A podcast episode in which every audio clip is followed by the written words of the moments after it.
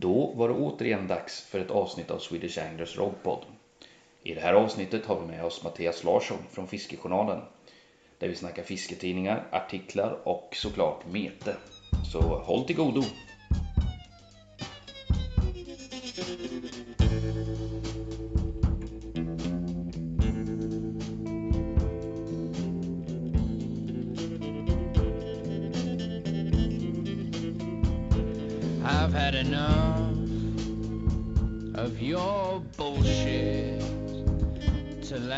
A lifetime. So get out of here. I don't wanna see you around. here. Välkommen Mattias! Tackar, tackar. Dags för ännu en podd. Eh, Och den här gången är det ju då lite snack om framförallt Fiskejournalen kanske. Vi, vi börjar där och sen får vi helt enkelt se vad det leder till. Som vanligt. Papperstidningar kan vi. Papperstidningar, ja. Gillar vi. Ja, det gillar vi. Kan väl börja från, från början så att säga. Historia. Historia. Historia. Vad vet du om er historia? Vad kom du med in i bilden? Alltså från början så... Jag har ju alltid läst Fiskejournalen sedan jag var liten snorunge om man säger så. Eh, ja, det var på 80-talet någon gång man började liksom bläddra i tidningen och kika på alla... Man kollade på bilderna först och sen så blev ju... Om man säger så faktiskt. Eh, det var väl mest Janne Olsson och Olof Johansson som, eh, som jag fastnade för då. Som när jag var mindre. För de gjorde ju massa fräcka jäklar. Det var ju som riktiga äventyr. Eh, Havsfiske, va? ja, havsfiske liksom. Och det var ju både här utanför och de reste och hade sig och det, det var man ju helt såld på. Så att de hade man ju som, eh, när man växte upp sen och hade sina idoler, man, Kiss och W.A.S.P. och Guns N' Roses och allting vad det utvecklades till så hade man ju, de, de, det var mina idoler. Sen så hade jag även eh, Janne Olsson och eh, Olof Johansson som eh, idoler. Om man får vara ärlig. Så där någonstans kom det in och sen har Fiskejournalen alltid följt med liksom. Eh, sen hade jag flaxen och kom in på tidningen för typ eh, 12 år sedan ungefär. Eh, sen har jag jobbat där. Ja, Ja. idag. Typ. Black, Blackie Lawless och Jan Olsson var dina favoriter. Eller idoler. Exakt. Faktiskt. Rakt av, helt ärligt. Visst var det så. Ja. Mannen som aldrig blir gammal, Jan Olsson. Ja, precis. Jan Olsson och Blackie Lawless han blir lite äldre. Han börjar växa ikapp eh, Jan Olsson nu tycker jag. Ja, så är det väl. Ja, alltså. FJ är väl, eh, det är väl mer än en tidning. Det är väl. Vad ska man förklara? För mig så är det väl. Det som fisket har snurrat runt kring. Det var väl. eh, Det var väl det enda som fanns i min värld. Om man skulle läsa om fiske eller förstå sig på fiske eller lära sig om fiske så var det ju FJ. Man började Jo. med.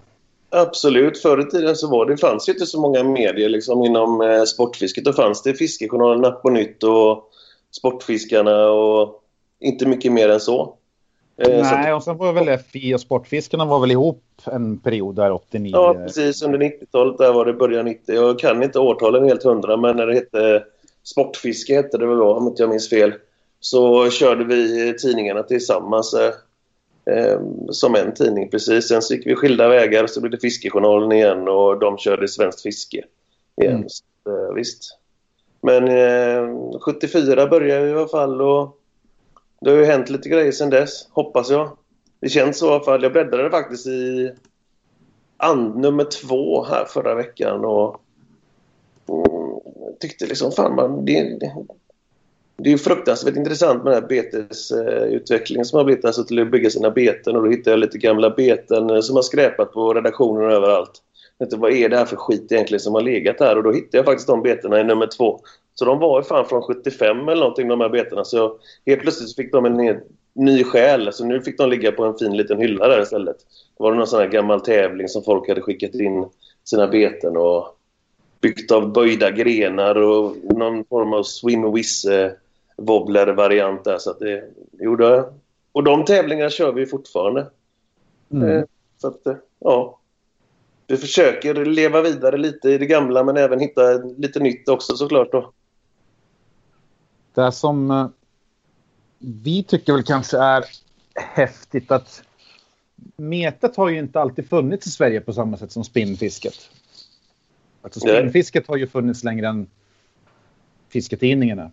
Men metet kom ju där i slutet av 70-talet så att man kan ju faktiskt ta det första numret där specimen meter nämns och sen kan du liksom följa hela historien ända fram tills idag.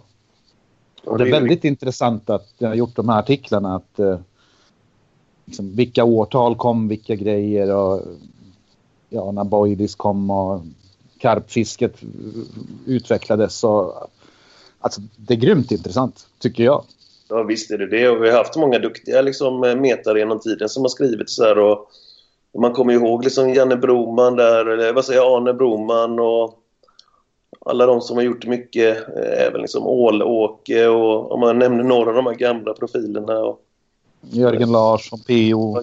Ja, precis. PO framförallt och precis. De har skrivit väldigt mycket för tidningen. Och Jörgen Larsson när han skrev innan. Och, absolut. De har gjort eh, hur mycket som helst för svensk sportfiske. Det är, det är all heder åt dem, absolut.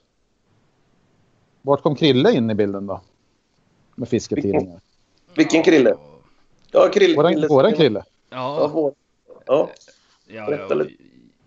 ja, jag hade ju någon sån här eh, dödperiod ett tag där jag inte fiskade så mycket men eh, jag kommer ihåg man läste Fiskjournalen, det var ju när man var liten liksom. Mm. Det var ju så här i efterhand så tror jag ens inte att man tänkte att det fanns något annat men ja. Det var där man, man ville, det var där man ville läsa liksom. Att det har varit sån institution. det är nästan tur att det finns lite annat nu, lite andra kanaler nu också. Men det var ju fränt att det var liksom, fanns ett media som eh, ledde hela sportfisket och det ska man ju vara otroligt stark, eller vara stolt över att man får vara med en del i det liksom. Och, Ja, det är, Ja, det är helt galet egentligen om man ser tillbaka på det så hur hur stor inverkan Fiskejournalen har haft på på sportfiskets utveckling i, känns det som. Absolut. Och visst är det Eh, så.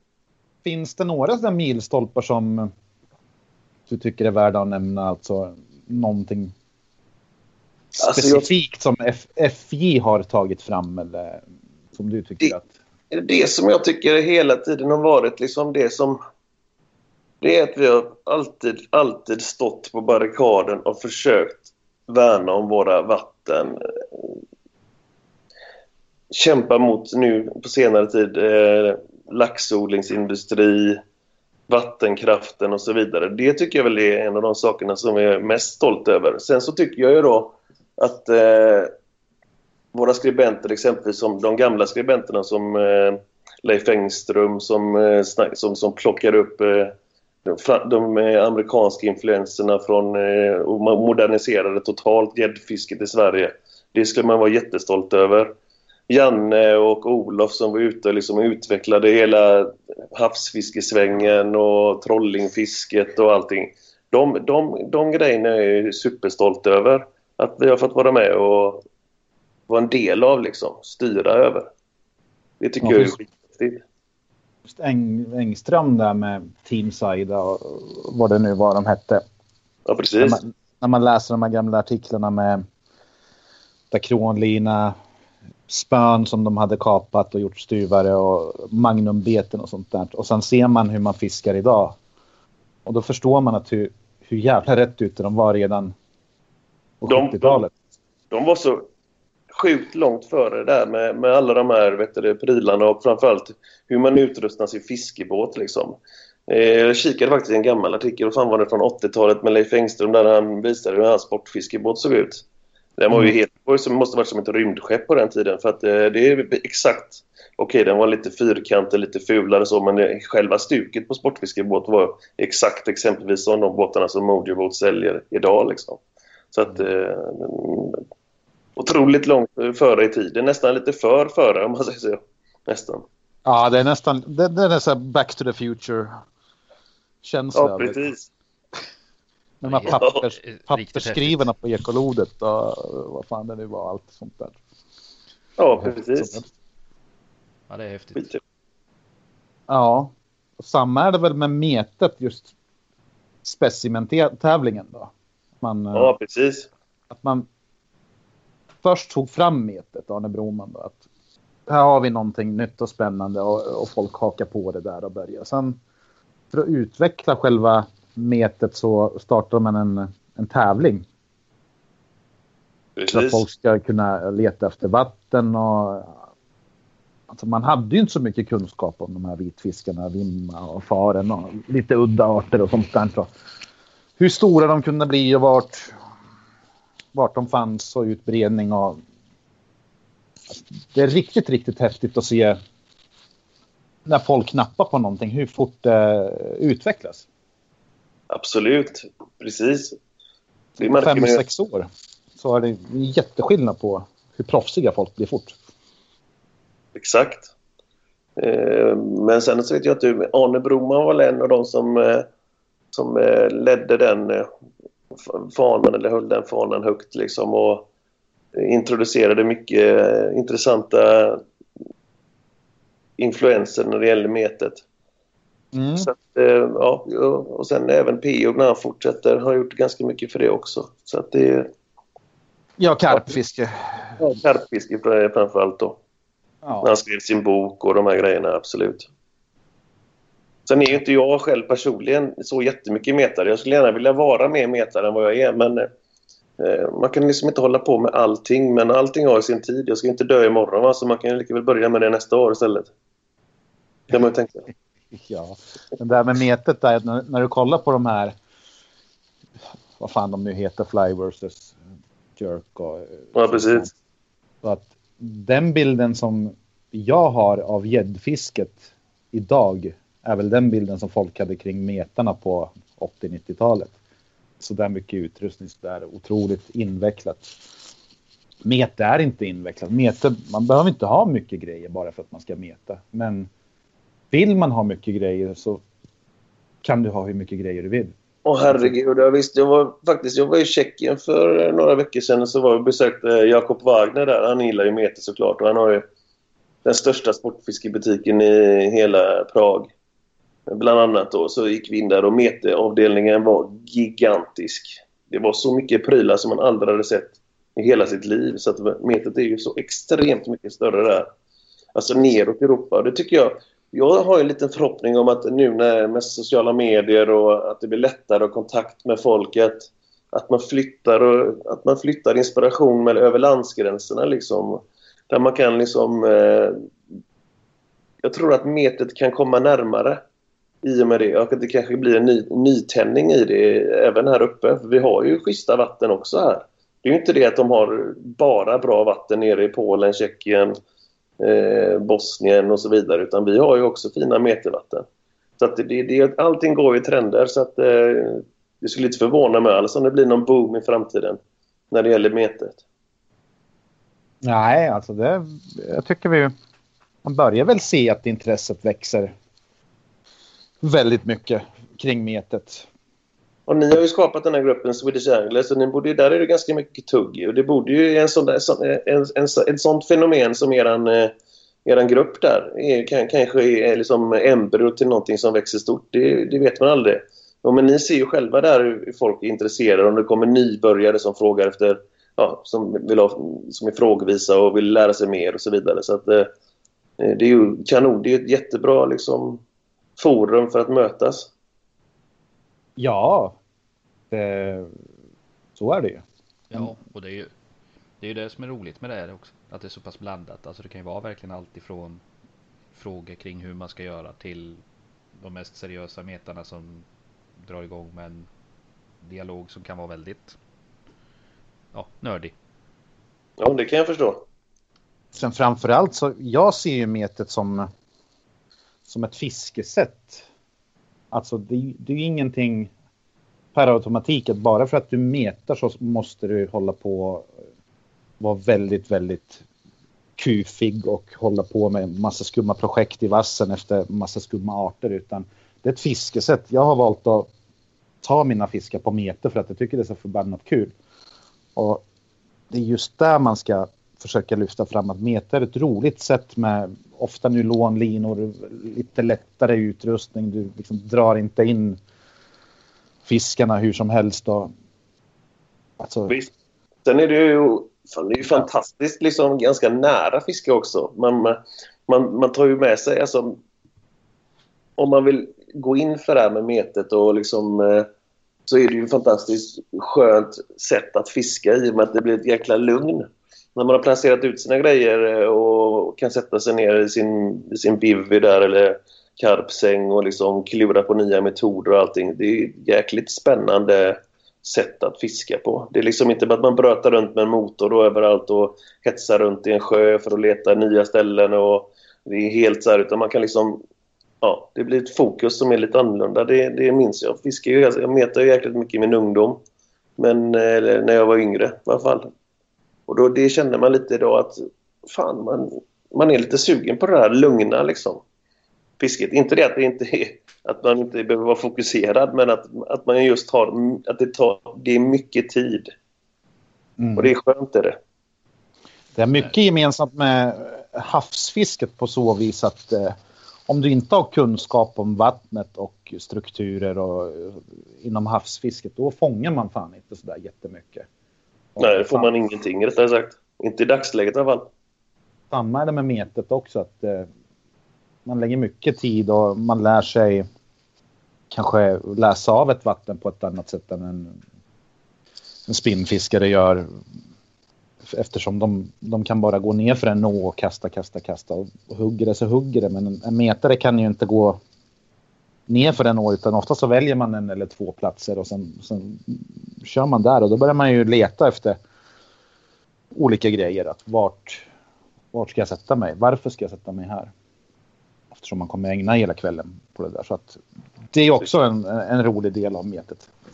Ja, ja det, det blir en del, hel del planering innan istället också. Det är ju lugnt precis när man kanske fiskar men man får ju lägga rätt mycket tid innan med. Mm. Så, så, är det egentligen i alla fiskemetoder. Lägger man inte den planeringstiden så halverar man ju chansen att få fisken. Så är det ju. Ja, liksom, jo, men så är det. Ja, ja, det är ju nästan, nästan till omöjligt att lyckas bra om man har bara gör allting eh, vind för våg. Men eh, visst, nej, vad fan. Samtidigt är det jävligt frustrerande för man hittar kanske en ny sjö, man kollar upp den och går och promenerar där och hittar en plats som ser jättebra ut, mäskar kanske en vecka, sätter dig där, liksom fixar alla tält och allting och sen ser du att det börjar vaka som fan på andra sidan sjön. och det har ju hänt ett antal gånger liksom, men det är en del av utmaningen. Ja, det är ett ganska vanligt flugfiskefenomen annars också. Så det, det, kan man omsätta i lite olika tekniker. Mm. Ja, ja, så är det ju. Absolut. Eh, artiklar står det här. Mm. Hur hittar man skribenter? Vad krävs för att skriva artiklar? Att man har, alltså vad som krävs för att skriva artiklar, det krävs att man har något intressant att berätta först och främst. Eh, så, sen egentligen, alltså det, våran typ av tidning är ju faktiskt, där är det ju entusiaster som skriver. Eh, vi klarar oss inte utan folk som är duktiga fiskare, det är helt omöjligt. Eller någon, om det inte är en journalist som är duktig på att berätta om någon annan person som är en duktig fiskare. Men hur som helst så måste man ha någonting att berätta. Och sen är det ju då, självklart så är det bra om man kan förmedla sig i text och kunna liksom plåta vettigt till de här. Eller så bygger man ett team. Man har en gubbe som, en som är duktig på att skriva, en som är duktig på att plåta. Och sen så skickar man bara in grejerna. Och tycker vi att det känns eh, som att fan, det finns eh, intressant stoff, det, här, det finns en bra berättelse, det finns, eh, den här personen har någonting att berätta för andra människor så absolut, då eh, det finns det jättestor chans att det blir publicerat helt enkelt. Det är inget mm. konstigare än så. Eh, vi läser mycket, mycket texter som kommer in. Folk skickar in det ena med det andra. Mycket är dåligt och en del är bra. Men det är inte, det är inte, så här, det är inte liksom jätteenkelt att bara kasta in en text och sen eh, helt enkelt bara tänka att ah, men det här är så jäkla bra för att jag kommer bli publicerad. Nu blir jag publicerad. Det viktiga är att man har någonting att berätta för andra människor, inte bara berätta om sin egna upplevelse. Det är inte alltid så intressant faktiskt. Hur man har varit på en resa och när det blir för personligt och sådär, då kanske man hamnar lite i perfin av de som vi tycker är intressanta att ta in. Utan kärlek till, till att berätta någonting, det är, det är väl det viktigaste. Sen hur vi hittar skribenterna? Jo, vi får ju texter till oss ibland. Eh, men eh, oftast är det nu för tiden eh, så kanske man ser någon som skriver bra bara rakt av på eh, någon social media. Duktig på att formulera sig, har intressanta saker att säga. Eh, svarar på mycket kommentarer, hjälper mycket människor med eh, tips och så vidare. Känns pedagogiskt. Det kan vara en typ av skri det, skribent, kanske någon som postar en jäkligt mycket snygga bilder. Roliga bilder, annorlunda bilder, annorlunda vinklar. Då är den personen också intressant. Eh, vi läser bloggar. Eh, och där kan man hitta massa kul grejer också. Så kan man fråga personen ifall de är intresserade av att skriva någonting och så börjar, börjar man där någonstans. Mm. Så ser det ut ungefär. Det är inte så komplicerat. Det är mycket letande helt enkelt. Jag letar hela tiden. Ja. Eh, faktiskt. Eh, när man sitter och jag letar i nyhetsstoff hela tiden. Det är liksom det man gör, vad som har hänt hela tiden. Den stora fiskar, nyheter, miljökatastrofer, eh, nya tekniker, nya influenser, eh, allt sånt där. Det letar jag dagligen. Alltså både liksom dygnet runt. Och då, samtidigt där så letar man ju också efter intressanta personer som, eh, som skriver och plåtar helt enkelt. Eller det kan vara någon som spelar in en film. Och då kanske man tänker, fasen vilket bra berättande de hade i den här filmen och jag kan omsätta det till text och bild och så kan man publicera filmen i samband med det och så vidare. Så att, jo, vi, vi letar hela tiden, absolut. Men lägger fram ett påstående här som jag själv har reflekterat lite, lite grann över eftersom man har läst så mycket gammalt och nytt givetvis. Då. Mm. Förr kändes det lite grann som att man skrev för folk som redan kunde det man läste om. Alltså metaartiklarna var till exempel väldigt invecklade, väldigt riktade mot metarna. Samma med gäddfiske, havsfiske, si och så. Idag tycker jag att man skriver mer för folk som inte kan. Alltså så här fiskar du eller försöka förklara någonting. Att just den här som du säger, den personliga delen har liksom bytts mot den här nya eh, sökandet efter nya metoder och sånt där. Okej, okay, jag hörde tänka så att, att Tänker du att det har blivit liten, att det är lite en bredare nivå, en lite mer eh, lär, lärande nivå? Eller tänker du att det... Hur, ja, för... alltså förr var det mer personligt.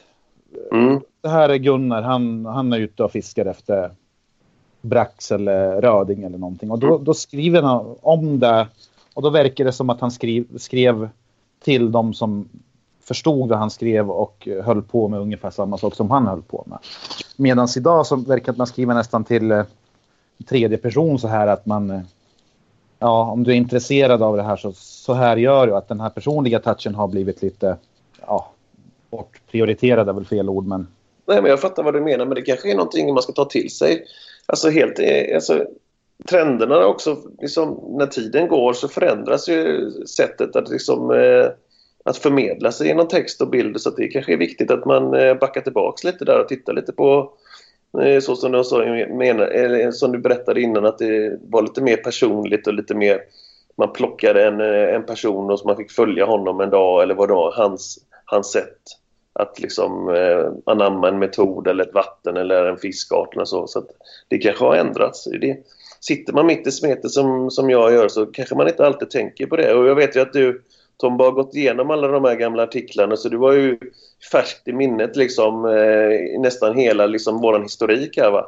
Det, det, du, jag tror inte, du, du borde vara en av dem i Sverige som har den, har den bästa kunskapen om det just nu. Man glömmer lätt helt enkelt. Eh, ja, fast jag minns fan väldigt många artiklar, nästan ordagrant.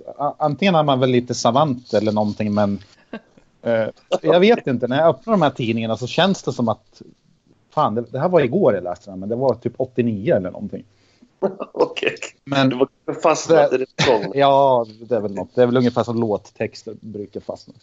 Men, men grejen är att om man, om man får ett riktigt fint napp på en eh, swingtip när du kör efter brax eller någonting. Och du mm. förklarar den på ett sätt som en, som en annan som metar med swingtip. Bara han kan i stort sett förstå den. Och för han så är ju den där beskrivningen hela världen alltså. Mm. Men för resten av de som läser, det är ju rena rappakaljan. Mm. Och det förekommer ju inte i någon tidning idag, tycker jag. Varken på nätet eller... Utan det har blivit lite så här mindre analt, eller hur man ska säga. Att det, det är Mm. väldigt så här all around, liksom. Så här, så här. Metodstyrt. Ja, lite grann. Ja. Men varför har det i, så fall? Är har ni gjort någon förfrågning, alltså någon enkäter eller någonting? Eller följer ni någon trend? Eller är det folk som hör av sig? Eller? Så man försöker hela tiden följa trender, vad folk vill. Alltså tappar man liksom kommunikationen med läsarna så får man ju problem. För då köper ju helt enkelt inte läsarna tidningarna. Så, att, eh, så att, eh, det är ju jäkligt viktigt att man gör det. Sen så tror jag att man påverkas av bruset som är där ute. Vad, vad, hur man ska liksom... eh, Hur vi ska skriva en artikel och, eller förmedla en artikel via tidning och så vidare. Så att eh, vi kanske har glidit ur det där lite personliga spåret och kommit lite mera allmänt att man ska liksom berätta, instruera eh, på ett sätt för att liksom väcka nya fiskare och sen så kanske man hamnar, eh, där kanske vi är just nu, sen så kanske vi hamnar in, hamnar tillbaks i det här lite mer personliga i, om fem år. Sen så jag tror det går lite i cykler om man får vara ärlig faktiskt. Ja, och sen där jag har tänkt på lite grann att förut så satte ni trenderna.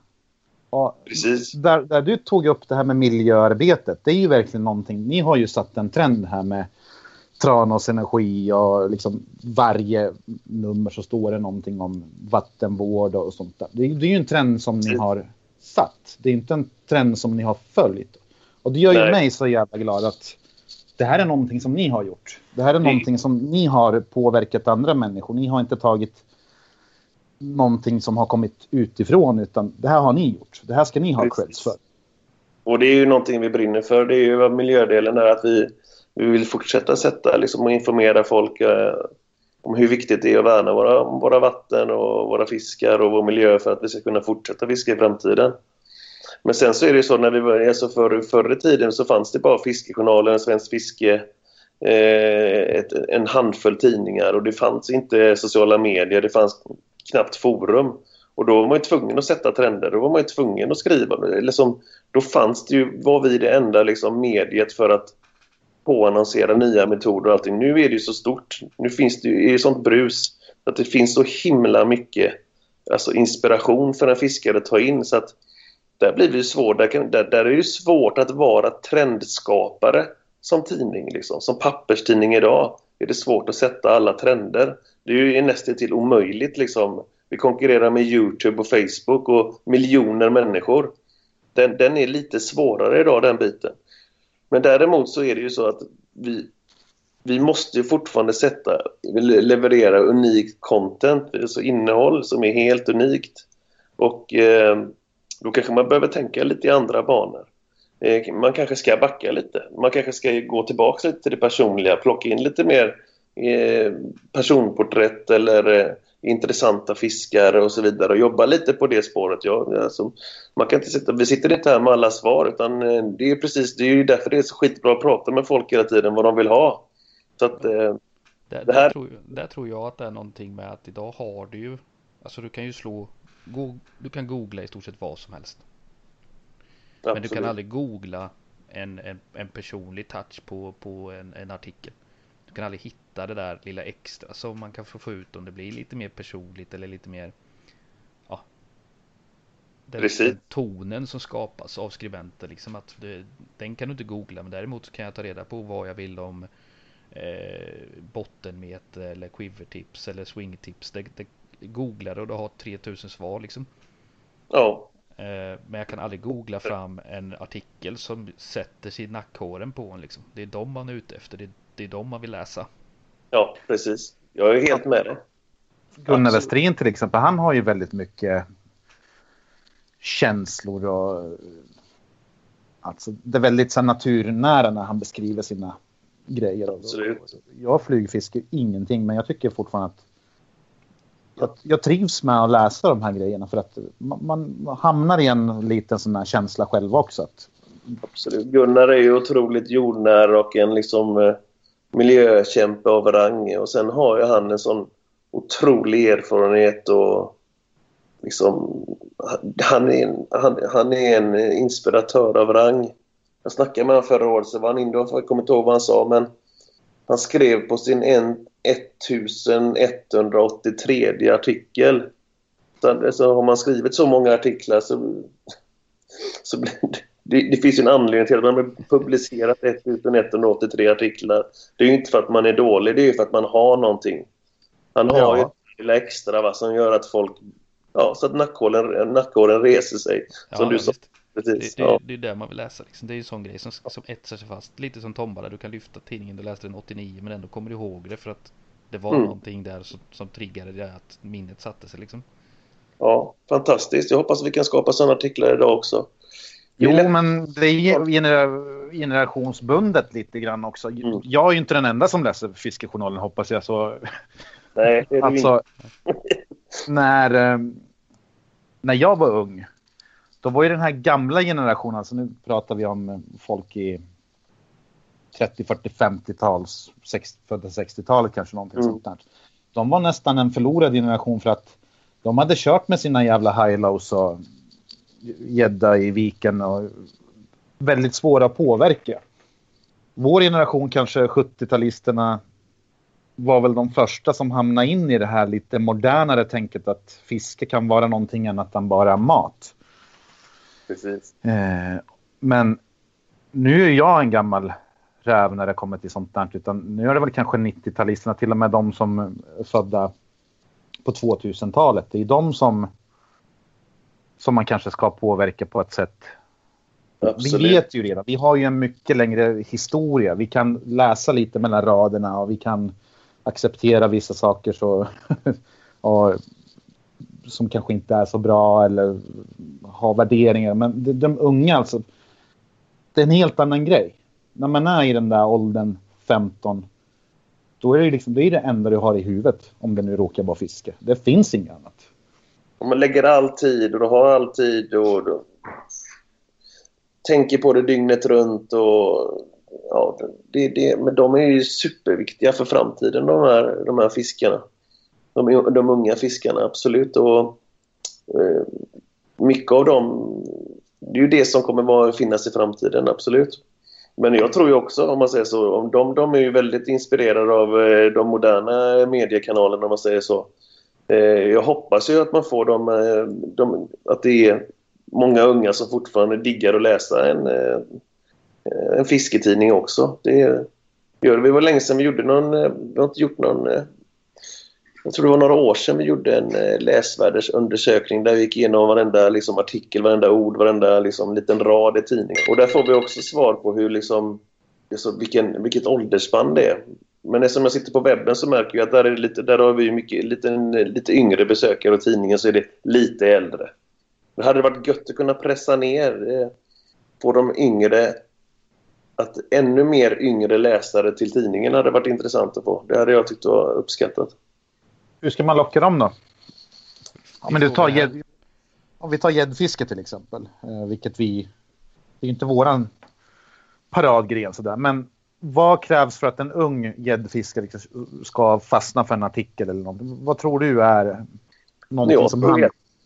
Eh, man får rycka ut eh, wifi i kåken först och främst.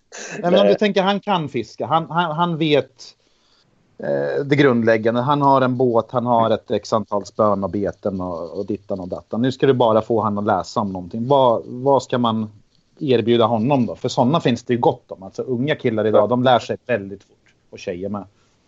Jag är helt övertygad om att vi har massor att erbjuda de yngre läsarna. Så vi, menar, vi skriver mycket om nya metoder och nya trender. Och, eh, oftast förmedlas det lite slarvigt på, på, på, vet du, på, om man säger på Youtube och sociala medier. Då får du inte det där lilla extra med.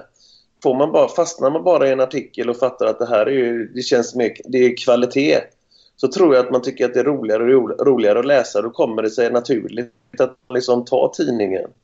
Men, men det, det konstiga är att mediet nummer ett för en, en grabb eller tjej i 15-årsåldern det är ju inte ett papperstidning utan det är ju fortfarande en dator, en mobil. Så det, det, det är lite, man får ju liksom få in dem i ett litet annat tänk där liksom helt enkelt.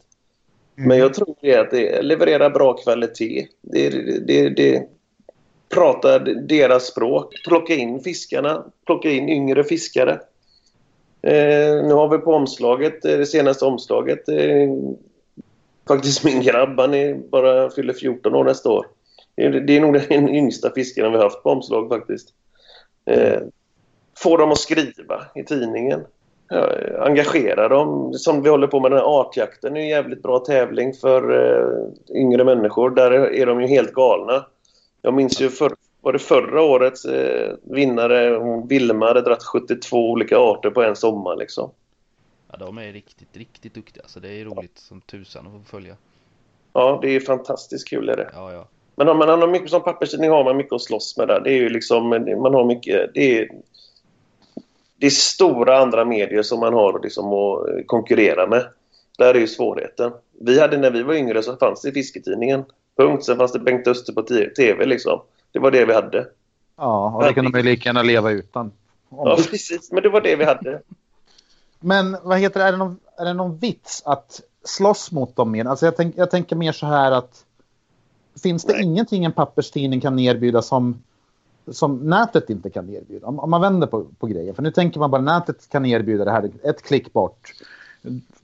Feta produktioner, bla bla bla. Men det måste ju finnas någonting som en papperstidning kan erbjuda som en, eh, vad heter det, annan media inte kan erbjuda. Självklart finns det det. Eh, först och främst så är det ju jävligt skönt att läsa i ett papper och hålla i någonting som är organiskt material. Någonstans som fiskare så gillar man ju liksom att röra sig ute. Eh, man gillar organiska material. Man gillar att vara i närheten av levande material överhuvudtaget. Så där bara, bara liksom själva läsningen i ett papper är ju, tror jag är, attraherar egentligen eh, vilken människa som helst. Och det, det är för, för mig helt tidlöst. Och skulle man dra en liten parallell så har vi ett fotbollsmagasin som heter Offside. Som, eh, som är en papperstidning. Och de liksom äger ju röven av eh, de stor, många stora fotbollsbloggar och stora sajter. Och de har ju, exempelvis läste jag förra veckan så tackade de nej till flera hundratusentals kronor i annonsintäkter bara för att de tyckte att det var fel annonsörer, i detta fall ett spelbolag, som inte passade in i deras eh, tidning och så vidare. Så att, gör man det på rätt sätt då kan man, då, då, då kan man köra tidning eh, in till det bittra ända. Alltså, jag, tror att vi, jag tror vi på Fiskejournalen i alla fall, vi har ju klarat oss jävligt länge. Och vi går fortfarande bra så att eh, vi är där. Det känns som att mm. vi, det kommer finnas kvar. Det, jag, jag, det tror jag på eh, varenda dag jag sätter mig på kontorsstolen. Det här är absolut inte den sista dagen. Jag känner inte den oron överhuvudtaget. Utan att det är bara liksom jobba vidare, få bra skribenter, noggrann med bilderna, noggrann med att artiklarna håller en bra story, håller ett bra innehåll som folk vill läsa. Ha en mix som alla människor tycker är kul. Eh, så att man kan locka olika typer av människor och fortsätta i det spåret och absolut inte tappa kontakten med våra läsare. Det är superviktigt. Ja, det låter ju vettigt. Där var vi nog snudda lite på punkt fyra med kände jag. Mm. Eh, ja, om papperstidningen kommer finnas kvar ja. Ja, alltså hur tror vi det kommer se ut i framtiden? Jag är helt övertygad om att, att det kommer finnas kvar, absolut. Men eh, hur, hur, tror vi att det kommer utvecklas? Liksom, kom, kommer det bli så att vi kommer tror att det kommer backa så det kommer bli fler fys alltså, fysiska Nej. tidningar som man får konkurrera med? Eller? Nej, det kommer inte bli. Det kommer inte bli fler tidningar som vi kommer konkurrera med utan det kommer finnas ett fåtal kvar som, och de, de hoppas jag och vill och tror att de kommer finnas eh, ända in i framtiden om man säger så. Men jag tror absolut inte att det kommer komma in fler konkurrenter i tidningshyllan. Och det beror ju också på att eh, tidningshyllorna exempelvis är bortprioriterade i butikerna. Folk vill hellre ha lösgodis och glass istället för, eh, för, tidningar för de säljer helt enkelt för dåligt med tidningar och tycker att det tar onödig yta i, i butiken. Så där har man ju en sak liksom att kriga i. Man når inte... Märkligt. Man vill ju äta en glass och läsa en tidning. Ja, precis. Jag håller med dig. Jag fattar inte heller vad fan de tar vägen tidningshyllorna. Det tycker jag är lite tråkigt. Så att, nej, jag är helt säker på det. Att det kommer finnas eh, kvar fisketidningar. Och ett, ett fåtal kommer finnas kvar. Men det kommer, jag tror inte att konkurrensen kommer vara så stor som den var för typ tio år sedan. Det är inte en chans. Nej. Inte rum för det, tyvärr. Jag tycker det är tråkigt. Ja. Det hade varit skitkul om det var fler fisketidningar i hyllan. Det som är lite... Det är ju generationsbundet det där med. Jag kommer ihåg Eftersom man som alla fiskare har hållit på med hårdrock mycket. Och då mm. körde man ju väldigt mycket eh, science, alltså fan science. Sådana här tidningar som folk klippte ihop i källarna och, och sålde via Exakt. skumma postordrar och, och grejer och sånt där. Jag köper Mm. fortfarande close-up och prenumererar på Swin Rock Magazine och sånt där. Men Mm. det är ju min generation. Jag har jävligt dålig koll på vad de yngre och de äldre gör. Eh, Men det kanske du kan svara på. Vilket spann? eh, Är det mest yngre som prenumererar eller äldre eller är det väldigt spritt? Eller? Jag tror det är ganska spritt, men jag kan ju inte säga att det är 15-åringar som är den största delen av våra prenumeranter. Det är ju inte en chans liksom. Det, det, det är det inte. Och det är för att det är inte förstahandsmediet för en 15-åring. Det är bara så det är. Men någon gång ska ju den personen som är 15 år bli eh, 25 och 30 och så vidare. Någonstans där på vägen så kommer man också tycka att det är skönt att lägga sig tillbaks med en tidning och bläddra i den. Det, det är jag helt övertygad om. Det, det, det är ingen snack om saken liksom. Eh, jag menar, när vi var små, jag vill, som du sa, där, vi- du läste väl Okej antar jag? Ja, tyvärr. Det inget annat? Ja, tyvärr så läste man Okej. för. Ja, men det är helt. Hartvig. Ja, ni- Om man kollar på dokumentären om Okej, har ni sett den? Ja, Ja, de nådde 100% av sin tänkta målgrupp. Det är den enda tidningen som någonsin har gjort det. Den har nått 100% av sin tänkta målgrupp. Eh, där kommer vi aldrig hamna igen. Det, det, det fanns, Okej hade ingen konkurrens. Ko- Okej var ju det enda, det enda, enda sättet för en ungdom att få lära sig mer om musik och vad fasen det nu var. Massa skit egentligen. Men jag Ja, kommer jag tänkte just det med lära sig, det är ju med viss re- reservation. Ja, men du vet, eller få veta skvaller då. Relevant tonårsskvaller. Du, jag sålde en, inte ens en komplett årgång av mina Okej-tidningar på Tradera. Jag tror det var 1984 eller någonting sånt där. Jag tror jag fick nästan tusen spänn för dem där. Ja, det är ju Alltså, nej, bra. inte, nej, fan det var en långt ifrån en årgång. Det var kanske tio exemplar eller någonting. Den kom ju för fan ut varje vecka ju. Ja, ja, för fan. Det var varje Eh, vecka. och Var det utan posters. Ja. Ja. och utan posters var det också. Så det finns folk som köper dem där. De är snuskigt dyra om du har dem i bra skick och eh, med alla posters med. För att eh, kvaliteten på omslaget var ju så. Det var ju som dasspapper alltså. De gick ju Ja, ja, sönder. Tog dem. Absolut. Men vad fan ska man med dem till? Eh, För att folk är. Ja, nostalgiska är vi ju, det vet Ja. man ju, men Men just, ja, nej. Det står Nej, det aldrig något vettigt i dem. Jo, men du kan ju inte säga till mig att vad fan ska du med dina gamla fiskejournalen till? Det är exakt samma sak. Jo, nej, för guds skull, det är väl inte samma Jo. sak. Eh, Har du vad- första årgången, har ni första årgången av Fiskejournalen?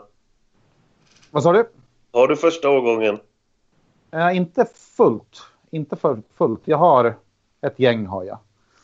Mm. Jag tror jag har de flesta från 77 och sen ända in till 90 någonstans har jag väl nästan alla exemplar. Okej, Ja, 98 kanske något, något sånt där. precis. Men de allra första, nej de har jag inte. Men där var det inte så jättemycket mete heller och det var någonting som jag inte växte upp med. De var lite, lite för gamla för mig så att... Eh, men jag skulle vilja ha dem. Ja, det är klart. Absolut. Ja, de är riktigt, det, är, det, är, det är riktigt kul att kolla i dem, men de känns ju som de är...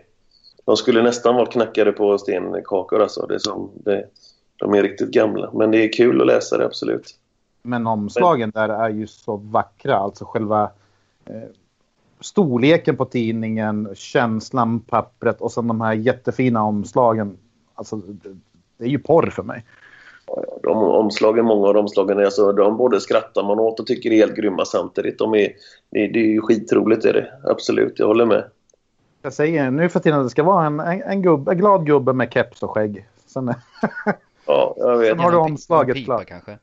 ja, Ja. nej, men alltså de är väldigt lika varandra de här omslagen. Jag kan inte skilja på de här senare, säg senaste 15 åren. Jag tycker de ser likadana ut. Jag lägger mig på mattan och erkänner, men det, det, ja, Förut så hade du alltså stillbilder på, eller ja, alla bilder är väl stillbilder, men alltså över en sjö med lite dimma eller någonting och, och silhuett här och där. Och kunde vara en bild på en sutare, ingenting annat, eller en hov eller... precis. Det var ungefär som hårdrocksomslagen på 80-talet. Alltså, man minns ju omslagen. Man glömmer dem Absolut. aldrig. Där tycker jag väl att ni inte är lika bra längre. Men det är ju min uppfattning. Nej, men jag säger så här, hitta, jag får faktiskt erkänna, lägga mig lite där också och erkänna. För tittar jag ju, jag har en tidningshylla på jobbet där liksom med jag vet inte hur många tidningar, det kanske är 25, 30, 40 stycken som är, där man ser alla omslagen bredvid varandra. Då, då, när man går dit och tittar så kan man tänka, vad fan är detta? Liksom. Det är inte klokt. Men samtidigt är det ju så här att det finns ju en anledning till att de ser ut så, omslagen. Det är ju inte bara av en slump faktiskt, utan det är ju, det är ju mätt. Och vi har ju faktiskt mätt det här liksom tusen gånger via all media och eh, undersökningar att ögon, mänskliga ögon drar till sig köpare. Liksom. Det är det som är. Och tampas man i en hylla med 40, 50, 60, 70 andra tidningar så vill man inte chansa. va? Det, det, det är det som är grejen. Men eh, kanske det blir en liten trend eh, tillbaks. Man kanske ska bryta det där mönstret eh, en vacker dag. Nu har vi kört gubbefisk i eh, 20 år. Nu kanske vi ska köra en dimmig förgrund eller bakgrund med en blank sutare som bara ligger där. Vem vet? Alltså skulle jag se senaste Fiskejournalen med en bild på en, ett svart drag Mm. Nu vet jag inte vad de heter. Det är Mac någonting. Visst. Svartsonke Macfeast säger vi. Och, mm. Eh, och sen står det Sveriges hundra genom tiderna viktigaste gäddwobblers. Jag skulle mm. köpa den direkt för att då skulle det bli så här att det här är så jävla annorlunda. Det här är någonting som jag skulle tycka är extremt intressant. Lite, lite bakgrund, när kom de? Vad har de fångat? Eh, dittan dattan. Då har du ju missat vårt. Vi gjorde ju ett sånt sommarnummer ju. För inte så jo, länge. men det var inte på omslaget. Tidernas bästa beten. Nej, vi kanske skulle fläskat det lite hårdare. Ja, lite sånt där. Fast ja. jag kan ju köpa det där att det kanske är lite svårt att ha en... Eh, just det här med produktplaceringar och sånt där. Man vill inte gynna någon som har... Ja, Nej, det där, det där är ju alltid lite känsligt med, med liksom, eh, på det sättet. Men det behöver inte vara på just... Eh, det finns ju miljarder sätt att göra ett omslag. Men mm. visst, håller med. Det är, det är mycket gubbefiskbilder. Men jag, jag, tror att det, ja, den tiden kan också vara förbi. Vi får väl se. 2019. Omslagen i butikerna, vilka tänker ni på? Är det folk som kanske inte ens fiskar som ska köpa tidningen? Eller är det alltså Nej. Vilka ska det synas till? Vi riktar oss bara åt de som ska fiska, inte till några andra människor egentligen så. Utan det är bara det att det eh, mänskliga ögat har, en, har anamma liksom en dragningskraft till, eh, till, eh, till köparen. Det finns i dig att eh, det är ett bra sälj i en person som står där. Och liksom, har du både fisken och personen så är det helt enkelt, det funkar bra som sälj. Men sen så kan jag fatta om det gått inflation i det så då blir det mättat det också. Så att, eh, Men nu går man ju nästan runt och letar efter något som sticker ut. Ja, jag håller med. Jag håller med. Sticker, du, sticker du ut så reagerar ögat direkt och tänker undrar vad det är för någonting och då blir du nyfiken så går du fram och sån här typ Exakt. Allers eller någonting. Precis. Men det blir så här, vad fan hände? Var, var, varför? Jag är med. Men eh, 2019 vet jag, kanske blir något eh, trendbrytande där.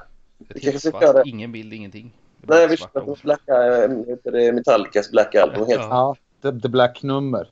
Ja, The Black nummer. Exakt. Jag tänkte varför gör inte alla som jag? Man går och köper korv till bastun och folköl. Sen går man via tidningsdisken och, eller hyllan och kollar. Har det kommit några schyssta musiktidningar eller fisketidningar? Ja, det har det kommit nya fiskejournaler. Sen bläddrar man lite och kollar. Liksom, ja, men den här ska jag köpa. Mm. Så, så, brukar jag göra. Jag vet ju att den finns där. Och jag går ju förbi den. Kan vi klona dig? Det hade ju varit käckt. Ja, det vet Vi gärna ha sådana, vi vill gärna ha fler så, vet du, personer som går och rycker en tidning och köper en korv och sätter sig i bastun. Det funkar jättebra. Ja, det... nej men vad fan fiskarna, nog, nog går man väl och spånar lite då och då. Det tycker man väl att alla ska behöva göra. Ja, jag håller med dig fullt ut. Absolut. Det, det är bra. Det är helt rätt. Ja, Krille, nästa punkt då. Ja, men vi måste ju komma in lite på det här med metets roll då. Vi har ju varit och snuddat på det några gånger. Men mm. vi har ju inte riktigt tagit den här frågan lite med varför det har blivit så lite mete. I alla fall på senare tid om man backar då de artiklarna Tomba har skrivit där och den biten så är det ju, var det ju mycket mete om man jämför med vad det är idag. Ja, det var väldigt mycket mer mete för. Men det har väl också, alltså metet är... Jag önskar att metet var lite större, helt enkelt. Det, jag tror att anledningen till att metet har blivit lite mindre, vi har... Eh, helt enkelt när vi har gjort våra undersökningar och sånt så har vi inte haft så många människor som har efterfrågat just mete. Eh, varför vet jag faktiskt inte. Det, det har jag faktiskt ingen koll på det. Sen så, alltså vi, sen så är det så att vi, vi har inte haft faktiskt ett sånt bra inflöde av bra meteartiklar heller. Eh, vi har ju, vi har, det, det, känner jag själv att vi saknar lite faktiskt. Så att, eh, det har väl lite med det att göra också. Sen har det gått så hårda trender i det här liksom, moderna gäddfisket, det moderna abborrfisket. Och ibland så helt plötsligt så glömmer man bort liksom, delar av sportfisket. Och det, det, det, bara, det bara sker. Det bara blir så. Men, eh, men jag är helt eh, med på att vi ska få in mer meter i tidningen. Och, eh, så att det syns mer. Liksom. Och det, det förtjänar att eh, lyftas fram lika mycket som alla andra metoder. Jag är helt med det. Men, men sen kanske det är lite med att folk är lite sådär, eh, alltså, alltså det, det, det är fler som skriver om eh, spinnfisket efter gädda till exempel än vad det är eh, om, vad vet jag, mörtmete. Jo, visst det fasen är det, absolut. Så, så jag menar, som vi pratade om innan, det här med att folk skickar in artiklar. Jag kan inte tänka mig att det är speciellt många metartiklar som ramlar in. Som Nej, det är inte många. skickar in och säger att det här är bra grejer. Eh, även om det inte blir publicerat eller inte så förväntar jag mig att det ligger ju inte på 50% meter och 50% spinnfisk. Utan... Nej, nej, nej, nej. Fan heller. Det är inte, det är inte alls så mycket meter. Det, det, det, det, finns, det, ingen, finns det ingen som skriver om det heller så blir det ju svårt att lyfta in det i en tidning. Ja, precis. Och det kanske har varit... Vi skulle varit på våra skribenter lite mer kanske och jobbat lite mer på den sidan och få in lite mera meter men eh, vi hoppas att vi kan få ett bättre mete i mete år 19, 2019. Helt enkelt, så vi får in lite mer mete. Jag, jag är helt med i det här faktiskt. Och vi har faktiskt diskuterat en del nu på jobbet sista. Vi måste ha in mer mete eh, i tidningen. Absolut. Det vore jävligt coolt om man kunde få med sig Gunnar Westrin på lite flytbrödsfiske efter Färna och sen skulle han få skriva artikeln om mete så att det blir så lite crossover-grej. Det hade varit helt grymt. Det hade han säkert gått med på faktiskt, det tror jag. Det, ja, det är ju väldigt nära torrflugefisket. Ja, ja, för fan. Det är ju, det är ju för fasen torrflugefiske nästan. Känslan ja. är ju nästan exakt likadan. Det är ju nästan precis det. Riktigt kul metod, om inte annat. Problemet med meta är ju kanske just att det, det är metarna som skriver. Alltså, det blir väldigt riktat mot metare eller sen blir det inte alls riktat mot metare. Och någonstans kanske man ska hitta en gyllene mellanväg. Ja, tack. Där sa du någonting nästan liksom eh, huvudet på spiken. Att det, är det för nördigt mete mot för bara metare, då, då, då, tyck, då blir det lite svårt att liksom, prioritera materialet in i tidningen.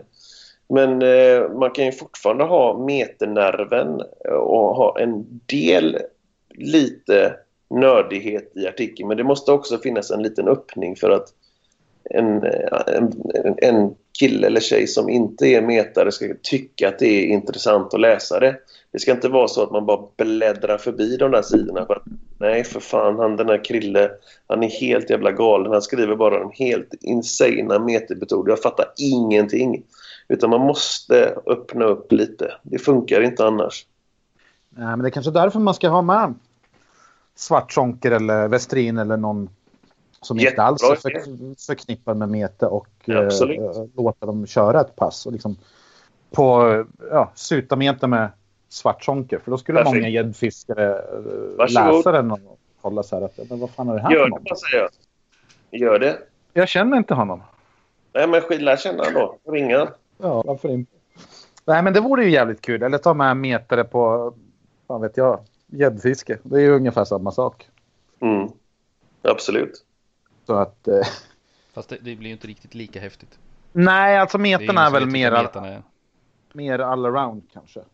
En metare ja, kör ju oftast väldigt mycket, många olika arter och då har man väl spinnfiskat någon gång också. Absolut. Nej, men båda liksom, eh, alltså alla sådana här crossover-grejer är ju liksom helt grymt att få in. Och kan man skriva dem på rätt sätt och plåta dem på rätt sätt så blir det ju superintressant. För då möts ju två, liksom, två delar av vår värld i ett och samma liksom, ämne. Och det blir ju oftast jäkligt bra. det är samma som de här Inflames-grejerna ni har gjort. Jag läste de där artiklarna bara för att jag råkar känna igen bandet. Tänkte, Mm. vad fan är det? Eh, annars hade jag aldrig läst den artikeln. Okej, vad var det? Var det makrillfisket eller vad var Det det? var makrillfiske, sen var det väl någonting med... Det var väl två artiklar, sen var det någon gäddfiske eller någonting. Eh, Det var kanske någonting med de här ge fan i vår vatten eller någonting. Men ja, i alla fall, jag läste dem där och det Ja, var och- väl just den där grejen. Vad fan, det här måste jag läsa. Ja, precis. De är, Markoolio, samma där. Det exakt. Markoolio, vad fan, det här måste jag kolla. vad gör han i Fiskejournalen? Visst. Ja men, Visst ja, men det- visst, det är en, en sån grej lockar ju eh, även den som kanske inte har intresset av det så blir man lite, lite för nyfiken för att inte låta bli att köpa det. Alltså Ja. det går ju inte, man måste ju köpa tidningen och kolla vad det är för någonting. Ja, Vem ja, skulle inte vilja läsa Metastäm med Leif GW Persson till exempel? Det skulle jag fan varit riktigt häftigt. Ja, till exempel. Fast inte stäm kanske, men något annat. Men Ja, eh, helt ärligt, alltså, de typerna av artiklar är ju supervälkomna i tidningen. Men det är inte alltid lika lätt att få ihop dem där. Det är så det är va? Ja, det kan jag förstå. Ja, du vet. Och, den kan vara knepig att sälja in. ja, precis. Ja, Ja, tja, ska du med ut på lite stämmemeter? Nej, det blir nog inget med det. han får betala lite. Eh, Men ja, metet det är ju, det kan jag tänka mig, det är väl lite svårt. Det finns väl bara x antal metare som kan, som kan gotta sig i de här riktigt udda artiklarna efter, ja, met efter vimma eller någonting sånt där. Så det är ingen kioskvältare. Nej, inte riktigt. Inte jättekioskvältare faktiskt. Men eh, ja, någonstans får man väl börja. Ja, precis. Vimma, jag vet inte vad länge sedan. Det måste ha varit hundra år sedan vi hade en artikel om Vimma tror jag. Det var nog inte igår i alla fall. Ja, det var väl när Håkan Brygård fiskade där. Okej. Vad var det, 85 eller någonting? Okej. Usch, vad illa. Ja, Ja, då är det ju dags. Ja, kanske. Du är svårövertalad här känner jag. Ja, den är inte hundra alltså. Men, men om man gör den tillräckligt intressant så absolut. Det är inte så att vi ratar, ratar fiskarter direkt heller utan gör den grym bara. finns väl lite... Oftast är det ju sutare och färna som figurerar i olika fisketidningar. För att de är väl, känns alltså närmast gäddan eller hur man ska säga. Det är lite action, det är lite större fisk, det är lite enklare Ja. eller hur man ska säga. Men eh, som inom meterkretsen så känns ju rudan väldigt het helt plötsligt. Mm, det vet jag att den är. Men, Karp. men Den är väl alltid lite het. jag vet inte om den är så himla het men är så eh, allmänt. Men eh, inom meterkretsarna så är den ju det. Och då tänkte jag fråga er varför, vad kommer det sig att, att rudan är het? Är det för att den är svår? Är det för att den är fräck? Är det för att det Vad är det som man går igång på där när det gäller det? För mig är det ju att oftast när du metar efter ruda så är det ju roligt vackra inramningar. Det är sällan man metar ruda i Göteborgs hamn eller Mm. någonting sånt där. Utan det, det är väldigt så här, naturskönt. Oftast mindre gölar någonstans. Den är svår. Den är väldigt mystisk, väldigt vacker. Ja, det är väl det som är grejen. Ja, det är, ju- det är ju inte, det är inte fighten kanske man är ute efter för den är ju Nej. över på 10 sekunder ibland höll jag på att säga men det är Jo. nästan liksom att man bara lyfter upp och hovar men, men fram till dess så är det ju någon, alltså det, det har ju en speciell känsla på något sätt som är svår att beskriva mot någon annan art. Du vet ju oftast att de står där eftersom det bubblar och har sig. Ja, och oftast är det ju under fötterna. Alltså det, ju så, det blir så nära på, på att man, man ser allting på ett annat sätt. Det, Ja, det låter kul. Man har inga ursäkter. Du, du vet att rudorna finns där och du ser hur många de är nästan. Nu har jag fem rudor här och får jag ingenting, jag har ingenting att skylla på förutom mig själv. Så känns det lite grann. Så att, eh, och oftast blir man ju blåst. ja, när man kollar på de här gäddfiskeprogrammen då, då säger de bara att nej, de var inte på hugget idag, nu åker vi hem. Och sen finns det inga andra förklaringar till det där. Men rudan är ju inte riktigt sådär. Utan Har den, har den liksom en, en, en dimension till? den har nog flera dimensioner måste jag säga. Det är väldigt, det är väldigt unikt. Väldigt tunna linor, väldigt små krokar. Alltså snackar vi om 12 och neråt. Mm. 14-16, det är väl där man använder allra mest. Väldigt, Alltså, jag ska inte säga mycket småpill med och rörelse på flöter och gungar och man sitter på helspänn hela tiden och bara väntar på att det, du ska få det där rätta lyftet eller flötet ska försvinna ner lite lite grann beroende på vad man har lagt in det. Alltså det, Mm. det är så små detaljer som gör att att det blir på helspänn hela tiden. Och just Ja. det här att du har bubblorna du ser överallt. Var är de någonstans? Varför rör sig inte flötet? För att du har fyra stycken runt ditt krokbete men det händer inte ett skit. Mm. Så kommer frustrationen med. Som är lite så här bonus. Nästan varje ruda är ju en, som en 10 kilos gädda. Så det är den, den känslan man får när det är så här riktigt, riktigt jävla svårt. Så Ja, det, att, låter, eh, det låter onekligen intressant. det är väldigt roligt. Det låter inte roligt, men det är väldigt roligt. Det, det är mycket Jo, det- observationer. Du, du finns där och rudorna finns där. Och sen, det känns hett. Det kan kännas hett 12 timmar i sträck alltså. Det känns som att mm, snart, snart, snart. Men ingenting händer. Och sen, sen när det väl händer då kan man ju knappt tro att det är sant. Och, och andra dagar då kan du bara komma och sen ställa ner flötet och pang så har du en direkt. Det är jät- jättemärkligt. Men det är det som är tjusningen. Ja, jag förstår det. Jag ska bara röra mig neråt här lite. Jag- gapar så mycket när jag pratar så att uh, ungarna kan inte sova. Det är liksom eh, ett av mina problem. Låter mycket. Jaha, det, det är bra. Jag vet inte fan om det är så bra. Nej, är det- nu då. Nej, inte just nu eller... När det på auktionsverk. Ja, nu gick jag ner lite. Får vi se. Ja. Eh, vi kan gå framåt här. Mm. Vad, är, vad är ni mest stolta över att ha åstadkommit? Och då söker vi väl kanske efter en enskild händelse eller... Eh, jag kan tänka mig att du drar upp det där med miljön, men någonting annat än det. Jag tycker det är jävligt svårt faktiskt. Men jag tycker, jag, alltså, om vi tar några... Jag, jag kan säga så här, jag tycker, alltså åstadkommit och åstadkommit så tror jag ändå att det är just det att vi på något sätt har blivit, inte en institution, men att vi har fått den trovärdigheten av våra läsare, av beslutsfattare, av företagare, av miljöföreningar och andra aktörer att vara ett trovärdigt varumärke inom sportfiske. Liksom. Det låter jävligt generellt och politiskt tråkigt svar. Men just det, liksom den lilla... Att folk hör av sig till oss att nu har det här hänt, kan ni göra någonting? Eh, kom igen, gör någonting för den här, den här bäckenlån, den är på väg att förstöras. Eller ska det verkligen vara så här? Liksom, så den, den, det epitetet där tycker jag är riktigt, det kan man vara stolt över i alla fall. Att man har fått det förtroendet liksom. Och det, det, det, har, ju, det har ju historiskt sett med att man har slitit länge med miljöfrågor och andra saker. Det, det, det, det, är fortfarande där. Jag har inget roligt svar att ge er där. Jag har ingen milstolpe som jag kan säga. Jo, 1981 när Olof Johansson fångade sin eh, sillhaj på eh, utanför där och där. Det var det som skapade det här. Alltså, jag har inte det. det Nej, jag, jag, jag, jag tänkte på det var trovärdigheten. Ni har väldigt hög trovärdighet inom svensk fiske. Absolut, det, det ska man ju vara jättestolt över tycker jag. Det känns oftast väldigt officiellt när ni kommer med någonting sådär.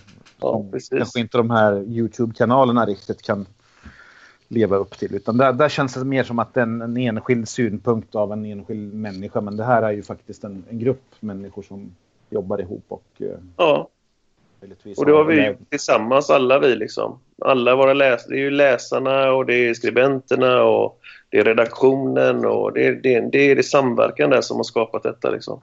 Det är ingenting vi har gjort själva liksom, utan det är liksom en, en samlad kraft. Vi har bara varit liksom kanalen ut där. Och det, det tycker jag är liksom, det tycker jag är det absolut det som man kan vara mest stolt över.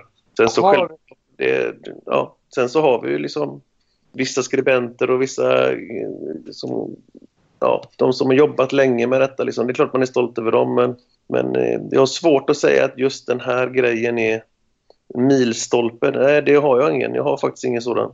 Hade du frågat Martin kanske han hade haft sin, sin milstolpe. Frågade Olof Johansson så hade han haft sin. Ja, jag vet inte riktigt. Har Martin en bild på sin rekordstjärna på skrivbordet? Nej, han har fan inte det. Jag tycker det är lite dåligt. Aj, aj, aj. Ja.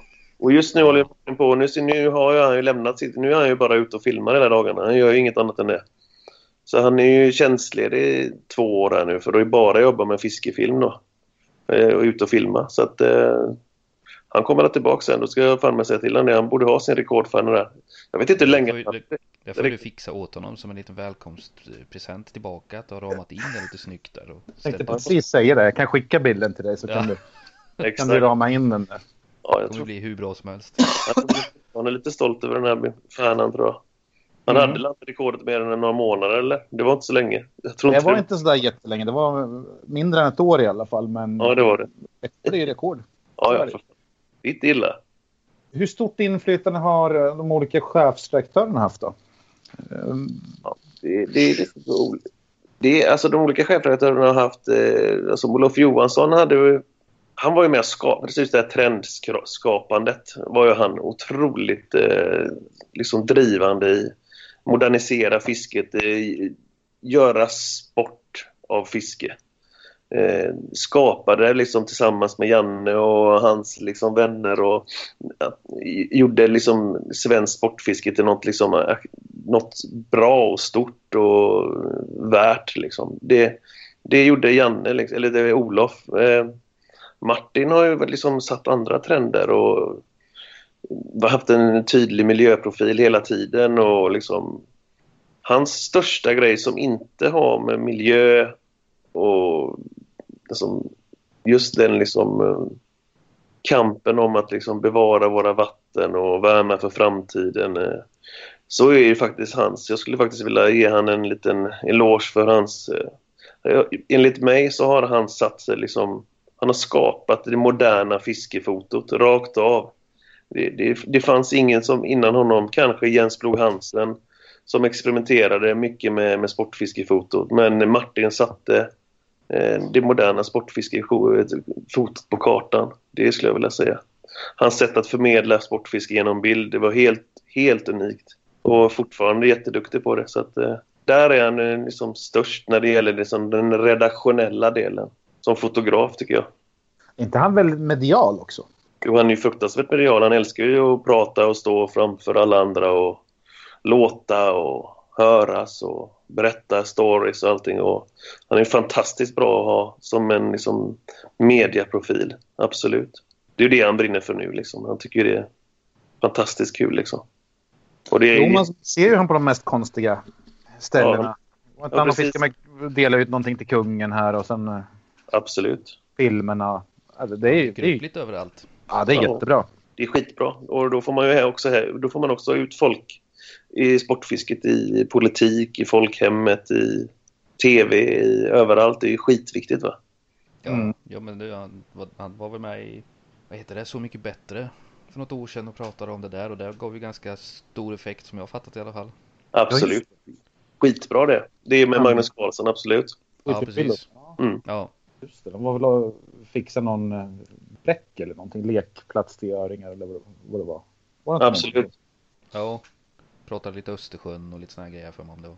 Ja, det är ju superviktigt för då får, helt plötsligt får vi liksom andra ögon som aldrig ser sånt. Det får helt plötsligt upp liksom, eh, ja, det, ögonen för, eh, för de viktiga delarna.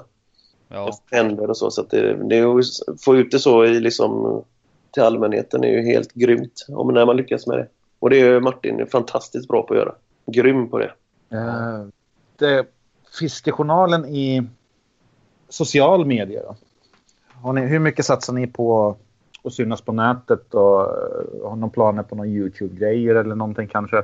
Ja, absolut. Alltså, vi, alltså jag lägger ju all min, all min tid där och liksom, tillsammans med nyhetsredaktören för att liksom, hela tiden synas där ute och, och verka och liksom, öka vår liksom, kanal utåt där i både sociala medier och på webben och, och på den delen. Så det satsar vi hela tiden på. Det är helt oundvikligt att inte satsa på det.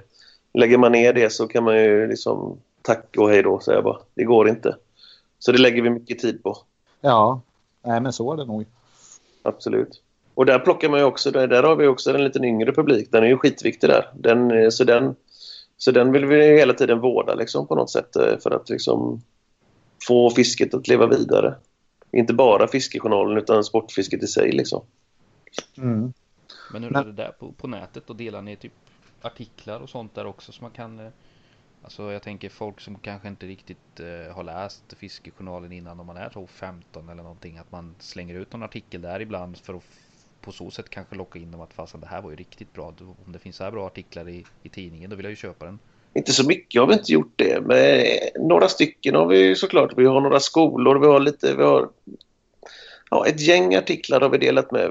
Inte så jättemycket har vi inte delat eh, ut men jag tycker liksom tiden är mogen för det. Det brukar inte... Jag, jag tror också det kan vara... Det, det, är inte helt fel att rycka en artikel från, eh, från ett, ett aktuellt nummer och kasta ut det på, på nätet. Men samtidigt så vill man ju inte liksom... Eh, det ska ju ändå kännas nytt när man öppnar en tidning. Man ska inte känna att fan det här, någonstans har jag sett de här bilderna, någonstans har jag läst det här innan. Man vill ju liksom hålla det så... Ja, nej, utan den, den, ska ju i sådana fall komma från kanske två nummer bakåt eller något. Att har man inte köpt tidningen och då får man läsa den här. Men de som köper tidningen eller prenumeranter, de har redan läst den. Ja. För de som aldrig riktigt har sett den kan man göra så. Ju, Absolut. Det, det är ju rätt vanligt om man ser på eh, alltså de engelska karptidningarna och lite sådana saker. Det, det, går ju att hitta lite gamla artiklar och läsa. Och Absolut. Lite sådana grejer. Det, det är ju också kanske ett sätt att komma in. Alltså få dem till att uppmärksamma att satan vad bra det här är. Liksom. Helt rätt. Helt rätt. Det är lite häftigt eh. om man skulle lyfta upp en, lite grejer som kanske inte är publicerade i tidningen överhuvudtaget utan kanske ta de här lite smalare artiklarna och publicera dem på nätet. Ja. Eh, ja kanske Tänker du på metartiklarna just då? ja, nej men, nej men allting. Vi gjorde ju den här... Det är smalt, Tomba. Jo, det är det väl kanske men jag tänkte på den här som vi gjorde med PO, intervju med honom. Ja, precis. Den, den la ju ni ut på eran Facebook. Ja, så, Facebook. Så att, sånt kan ju kännas jävligt fräscht för någon som följer, följer på Facebook. Att det bara kommer en bonusartikel här. Då. Helt okej, okay, absolut. Jag håller med dig. Det är visst. För det kan man ju hålla det sig lite längre också. Man kan skriva lite om saker som aldrig kan publiceras i en tidning och lite bloggar. Och, det kan vara en bra, bra idé. Ja, precis förut så var det liksom lästiden på skärmen. Vi räknar med man eh, tittar i genomsnitt hur länge man fick behålla en läsare på en artikel. Så har ju den tiden ökat eh, varje år. Liksom. Så att eh, folk är mogna att läsa lite längre texter på webben nu än vad de var tidigare, skulle jag vilja säga. Jag tror det har med mobilanpassning helt enkelt och läsplattor att göra och att det helt enkelt är lätt, lättare att läsa texter just nu på... Ja, visst är det så. Backar du ett visst antal år så var det ju helt omöjligt att vara tvungen att sitta och zooma och, och, ja. och ha det. Man tröttnar ju efter tio sekunder liksom. Så går det inte att ha det liksom längre liksom, men absolut. Vi skriver ju rätt långt eh, på våra bloggar ibland och, och på Swedish English och sådär. Mm. det som händer är bara att folk sitter lite längre på muggen.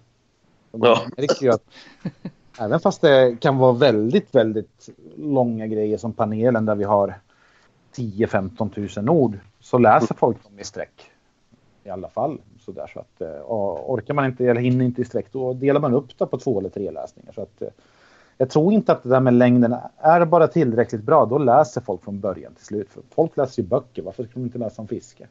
Absolut, nej jag håller med dig. Visst, absolut. Självklart. Det är väl kanske där det är väl min reflektion lite grann att när man besöker eran Facebook-sida, inte bara eran utan alla fisketidningar eller mm. musiktidningar. Mm. Det är väldigt lite information man kan egentligen få på sidan. Jag, jag förstår ju den här biten som du säger. Att mm. Köper man tidningen så kan man läsa men det är inte mycket, det är mest några raders noteringar, notiser, sådana här jag, jag, skulle sakna att, ja men här har ni en bonusartikel, den kom, den kom inte med för den fick inte plats i förra numret. Vi får den här istället och då, då skulle nog fan folk läsa dem. Jag tror det. Jo, det tror jag säkert. Sen så är det så absolut. Det, det tror jag skulle funka skitbra också. Så får man tänka att en, en bonusartikel ska också redigeras, bilder, den ska layoutas, den ska betalas. Den ska... Ja, men där kanske man inte ska ha lika höga krav. Ja, nej. Fast man vill ändå hålla nivån tycker jag. Man vill ju inte släppa någonting som man tycker är lite sämre. Eh, mm, bara för att Nej, skulle... kanske inte. Men om man länkar. Man kan ju länka till olika bloggar till exempel. Eh, och då kanske man kan hålla koll lite på intresset där att eh, okej, okay, nu, nu tog vi en blogg. Torrflygefiske efter harr. Hur många läste den? För det ser man ju på nätet. Och sen kör du någon metartikel. Hur många läste den? Och då, då kanske man kan se en trend att oj, det var faktiskt så många som ville läsa om det här. Då kanske vi ska ha lite mer av det där i tidningen. Och kanske Absolut, men så, så försöker vi jobba hela tiden när vi, när vi skapar nyheter och sånt också för att testa ibland och titta liksom vad, vad tycker folk är intressant. Man märker det, jag sitter ju hela tiden med realtidstrafiken liksom och ser vad folk läser och sånt på, på vår webb om man säger så. så att, och märker man att helt plötsligt så har liksom tävlingsfisket efter gädda gått från ganska ointressant till svinintressant på bara några år. Då självklart ska man ju plocka in det i tidningen och artiklar av det. Märker man att eh, helt plötsligt så blir det superintressanta eh, med ruda artiklar eh, om eh, ja, med, med någon viss metateknik så det är klart man, man plockar inform eller så, inspiration från webben för att få in det i tidningen. Det, det, det, det, så försöker vi jobba hela tiden. Men eh, vi, vi sen, sen, när vi kör nyheterna på, på webben så är det också viktigt att hålla sig hyfsat kort där. Liksom. Det handlar ju också fortfarande om att folk har så, det bruset där ute är så jävla stort så att det alla all, all text vi släpper kan inte hålla liksom 15 000 tecken, det är omöjligt utan det måste vara korta grejer. Men någon, någon en och annan artikel skulle vi självklart eh, kunna bjussa på. Det, det, har vi gjort också genom åren, men kanske någon mer. Ja, vi ställer gärna upp och skriver någon artikel om vimmafisk eller rudameter till eran webb ifall ni vill. Det är perfekt. Det är välkommet. Då kan vi... Leif GW Persson. Nej, men då kan vi skriva en artikel som är den riktad mot metare alltså. Rent Absolut. mot metare, ingenting så här gör du eller någonting. Och sen kanske någon stackare plockar upp det och förstör sitt liv på rudafiske. Ja. Det vet jag inte. Så det, absolut, det, det, kan jag fixa. Ja, det låter som en bra idé. Bara bra för att prova sådär. Och jag kan redigera själv och kasta i några bilder och sånt där. Det, det är inga problem. Och gratis blir det också. Herrejävlar. Det är nästan för bra. Ja. Nej, men det vore kul att kunna bjuda på någonting som, ja, en, ja, ja, men... en, ett inblick i våra lilla värld. Säger som Gunde, ingenting är omöjligt. Kör bara. ja. Hur lugnt som helst. Alltså det, det, allting är liksom... Just webben är ju så himla rörligt också så att det är liksom det händer ju så mycket där saker hela tiden så att där har man chansen att testa allting också. Det, det ju, finns ju inte så, en tidning där har vi våra sidor som ska tryckas och planering och allting. På, på webben så är man lite mer flytande liksom. Så att där finns ju chansen att göra mer men det handlar, ofta, handlar ju oftast om tid. Man skulle vilja göra så mycket mer hela tiden men fan man hinner ju inte liksom. Det är lite synd att man inte gör det. Ändå tycker jag att vi hinner ganska bra ändå. Om man ja. Så att, ja. ja. Och sen, alltså webben är ju, är ju bra på så sätt att man kan ju nischa sig på ett väldigt starkt sätt med. Alltså man kan ju verkligen prova sådana här, det, det kostar ju ingenting. Vi provar en sån här halvgalen grej. Precis, absolut. Visst är det så. Ja, för vi, vi har ju full förståelse att mete kan ju inte kan inte synas jättemycket för det är fan väldigt, väldigt litet. Och sen på 80-talet då Mete fick ju oförtjänt mycket mediautrymme. För jag kan aldrig tänka mig att det fanns så många som var metare även då. Men det var bara att det var nytt och hett om man försökte Precis. pusha fram det. Så att, lite, äh, lite som vertikalfisket var, eller är. Ja, precis.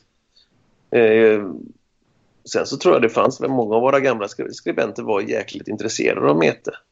Det var ju också en stor del. Jag menar, det var inte hela Sverige skrev inte fiskartiklar.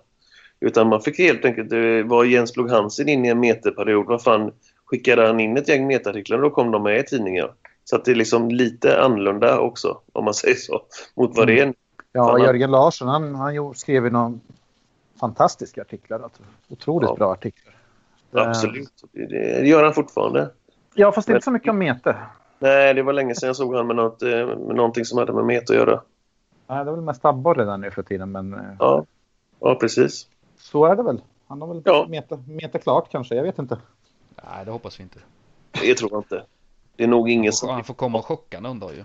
Köra, köra in någon sån här Westins eh, meterkit eller något. Ja, det är, ja. det är ju ett projekt att hålla på med. Jag kan förstå att många tappar, tappar kanske inte intresset, men det är så jävla surt att hålla på med om man aldrig kommer ut när man har barn och jobb. Visst då blir det, det nästan enklare att lägga av än att ha den här känslan att fan, jag kommer aldrig ut. Det har jag hört talas om många gånger. Att då slipper man den ångesten. Ja, fast det, ja. det är sorgligt. Det är det ju. Men... Ja, det lät riktigt sorgligt tycker jag. Ja. Nej, ja. Den vill man inte uppleva. Nej, fy fan. Nej. Då, då är det bara att gå bakom garagetaket höll jag på att säga. Men... Mm. Då, då, är livet färdigt. Ja, jag tror det handlar om så här helt ärligt. Jag tror allting går i perioder också. Jag vet inte om ni har fastnat totalt i meterträsket liksom. Men det skulle faktiskt inte förvåna mig om ni hittade på något annat i framtiden också. Det, ni kan inte lova er själva att ni kommer bara hålla på och meta hela livet, eller kan ni det? Helt alltså med, meta kommer jag göra hela livet, det, det kan jag lova. Men... Bara meta? Nej, nej, nej, nej, för fan. Jag spinnfiskar ju nu också, men det vill man ja. inte säga offentligt. Nej, nej. ja, där åkte du dit. Okej. Okay. Eh, så gädda, men jag har väl mina synpunkter lite grann på hur gäddfiske och sånt där har blivit. Det har blivit väldigt annorlunda. Ja, inte på ett sånt sätt som jag tycker är trevligt, utan då håller jag mig lite mer på min kant och kör på mitt sätt. Och behöver väl inte nämna det allt för mycket. Jag förstår. Så att eh, det här med tävlande och sånt där. Alltså, det är ju, jag kollar ju på alla de här tävlingsgrejerna. Jag mm. läser artiklar och så, men det är ingenting jag själv vill syssla med. Jag vill köra haspel och jag vill köra lite lättare grejer. Jag vill fortfarande ha en liten fight med eh, fisken. Jag vill inte dra in den med den här dirigentpinne och 040 flätlina. jag förstår. För om argumentet ska vara att man ska vara skonsam mot fisken, men då ska man inte fiska. Alltså det är ju ändå alltid en risk att fiska. Förstå mig rätt liksom så att eh, någonstans så finns det ju en njutning och den kanske är moraliskt lite si och så men det är så vi har valt att ha det och mm. så är det. Ja. Så är det. Man väljer själv vad man tycker är rätt och fel också. Ja. Ja, det är eh, Ska vi avsluta med, har du någonting som du vill berätta eller undra? Har vi gått igenom allting här nu som vi... Ja, det är väl det klassiska artiklar har väl det legendariska medarbete men det har väl nuddat lite grann också. Ja, vi har varit och snuddat på allting tror jag. Ja. Lite, jag, vet, Tycker jag. jag läste här. Ja. Ja, det, det, det jag eftersöker egentligen då, om vi säger så gör en liten shout-out så här, det är ju faktiskt fortfarande bra omslagsbilder.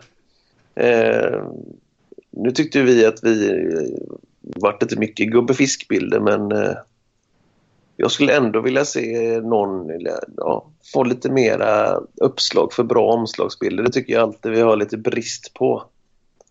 Mm. Någonting som kan passa på ettan och helt enkelt. Vad, vad har vi om man säger så någon form av kravsättning har man ju såklart för att man ska hamna på omslaget liksom. Ja, kravsättningen är, alltså, ofta så är det ju så här att fasen, en, en, det funkar helt enkelt inte med en mobilbild. För att det dynamiska omfånget i, det går inte att greja med bilden. Det går liksom, det finns inget utrymme för redigering nästan. Så att en liksom, tagen bild, det behöver inte alls vara en dyr kamera eller någonting, men mobilbilderna brukar ju faktiskt inte klara tryckas på omslaget. Men eh, Sen en schysst bild med mycket fiskeglädje om man säger så då. Eh, självklart poseringsbilder eftersom vi fortfarande kör sådana men kanske andra, andra alternativ också. Absolut. Skrev det när höll, höll på med omslagen. Jag har aldrig sett ett omslag sekunden efter att en stor fisk släpper. Förstår du? Den, alltså när du står och Ångesten. Ja, för det är ju en så stark känsla. Det är, det är den starkaste känslan man kan ha inom fisket. Den riktig gris bara släpper två meter framför fötterna. Mm. Ta en sån bild. ja, men det måste, någon jävel måste ha tagit en sån bild någon gång. Det vore ju så jävla häftigt. Och bara Absolut. se den i tidningshyllan. Oj, vad fan är det här för någonting? här Vilken måste... ångest tänker man ju. Och sen är det tveksamt om man vill se vidare. Ja, men fisk är ju känslor. Om man får varje fisk, då är det inte kul. Om man får fisk hela tiden, då är det inte kul. Men man koncentrerar sig hela tiden på att eh, jag kan inte skriva någonting på nätet innan jag har fått någonting som är godkänt att visa upp. Och det, det är ju helt fel. För det, det, det är ju inte, inte där fiske för mig i alla fall. Nej, så tycker man ska släppa sargen lite också. Lite så här, man kan vara lite kul. Man kan tycka att... Ibland så kan jag tycka att eh, fisket blir för allvarligt. Det blir för mycket prestige. Det blir för mycket jag ska ta stort fan. Släpp garden lite. Visa lite bilder när allting skiter sig eh, ha lite mer humor. Det kan jag tycka det kan jag faktiskt sakna lite i dagens eh, fiskbildsflöden på sociala medier framförallt. Ja men det blir ju det, det är ju bara hets på stor fisk och aldrig någonting om något misslyckat pass. Utan det är alltid de bra passen som kommer ut, de andra 200 passen där man inte fick någonting, den ska man aldrig nämna. Det skapar ju bara någon form av skev bild av hur det är att fiska liksom. Du, du, du misslyckas ju i stort sett 90% av tiden höll jag på att säga. Men, nej, men lite så blir det ju att du om man då tvunget ska jaga stor fisk hela, hela tiden. Det lyckas du inte med varje gång. Så Nej. varför visas aldrig någonting upp där man misslyckas? Det, det eftersöker vi också. Misslyckade fisken, eller roliga bilder eller knasigheter, allt sånt. Roliga, intressanta fiskhistorier där saker och ting kan skita sig. Vi har ju faktiskt en avdelning i tidningen som heter Sanna fiskhistorier. Eh, där vet jag att Ove som har hand om den avdelningen, han behöver, liksom, han behöver stoff till sina, till sina, till sina eh, berättelser där om... Det handlar helt enkelt om eh, knasigheter under, eh, som har med fisk att göra. Mycket Det är faktiskt där- en av mina favoritsegment i tidningen. Jag brukar alltid läsa Ja. den. Den är riktigt rolig. Ja, precis. Där, där, där, sånt material behöver vi också. Sen skulle jag faktiskt också eftersöka en ingenjör som eh, kan eh, göra ett schysst papper där man kan visa rörligt material på eh, hyfsat billigt. Men det kanske är svårare, jag vet inte. Den är nog knepig att hitta så här. Kan, kan vi lösa? någon, någon lyssnar på den här podden och just kan det. Det tror jag blir svårt. Tror du det fan också? Det, Ja. det, det, hade varit skit, det hade varit riktigt smidigt faktiskt. Och Ja. nytt. Ja, det är väl om om man får den här samma pillerburken som Christer Pettersson hade. Då kan det börja röra sig lite. Okej, så jag kanske ska ha det som premie då. Nej, jag vet Eh, Ta en sån här innan du läser. Ska du Ja. se att det börjar röra på sig. mässan, Men, ja, precis. Vad sa du? mässan tänkte jag innan jag glömmer bort det. Eh, Ni brukar alltid komma med pompa och ståt där. Vad har ni, är det någonting du kan avslöja vad som kommer att hända den här Vi kommer ha hand om eh, som vanligt den stora scenen där. Eh, Jag sitter som ansvarig för eh, programpunkterna där. Så att vi försöker fylla det innehållet så jäkla intressant det bara går. Det är väl det enda vi kan avslöja faktiskt. Alltså, det är ju det vi har gjort de senaste åren och det är faktiskt jäkligt roligt är det faktiskt att, att få, få vara med där liksom, och ta hand om, ha hand om det. Och det kommer vi köra även eh, nästa år. Så att jag Jag hoppas... boka in den här gädd- gäddsnacket med PO för att den köar vi till och skulle kolla Mm. på den. Då var det Markoolio innan men det drog ju ut på tiden för att han skulle skriva autografer och då fick de ju stryka den. Vilken var det nu? Det minns inte jag Det, riktigt. det var Falklind och PO Ja, som var klädda i gädddräkter. ja. Jag snackade någonting om... Jag vet inte vad fan det skulle vara. Det var gäddsnack med PO och Falklind stod det. Okej. Och sen eh, kunde de ju aldrig köra så de stod ju där som två fån i gädddräkter. Så Det var Vilken besvikelse. ja, det var lite av ett antiklimax. För oss också som var i åkt Ja, jag ska inte säga. Jag tog också en autograf av Markoolio för grabben hemma så att då...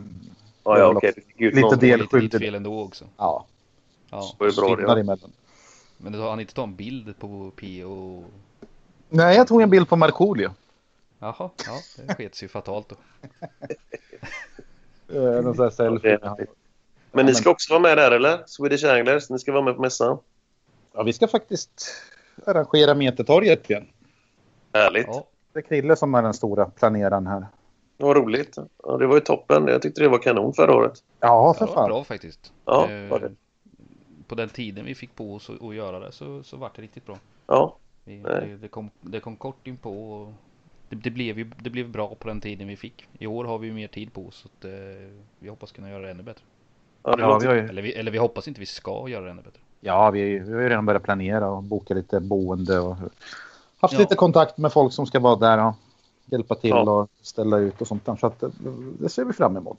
Ja, sen så är ju vi där, vi redaktionen är ju där och lite medarbetare och sånt så att vi, vi, är ju alltså, vi, vi är ju hemskt öppna för att träffa alla läsare eh, och komma dit och snacka med och komma med idéer eller vad vi ska skriva om eller vad vi ska göra eller eh, ja, kommentera någonting vi har gjort eller så här. Så det, det är ju också en stor anledning till att vi ens är där liksom. Det är för att snappa upp stoffet från, eh, från folket liksom.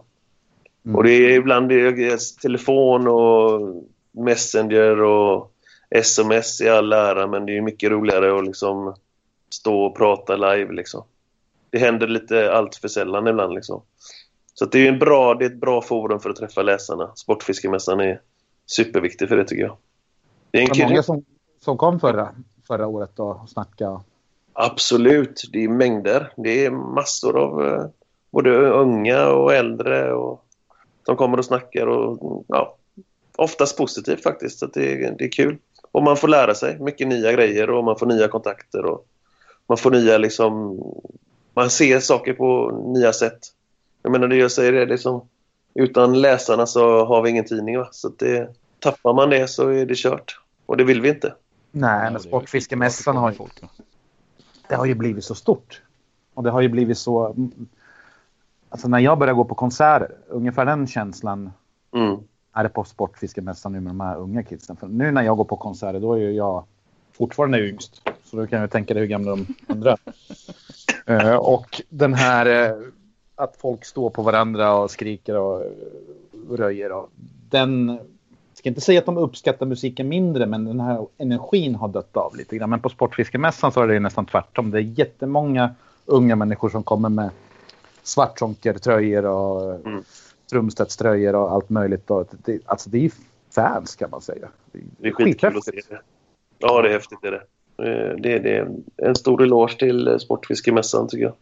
Det är ett kanon, en kanon-event. Så Ja, det, det, det ska bli kul att åka dit nästa år igen. Jag vet inte, Ja. Har du något annat? Så det är någonting ni vill att jag ska... Får vi säga ett stort tack helt enkelt. Ja, tack så mycket. Ja, tack själva. Det var roligt. Ja, det var kul att köta lite.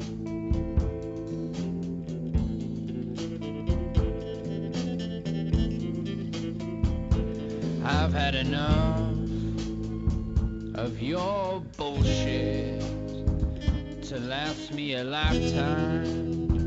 So get out of here. I don't want to see you around here anymore. You better get out.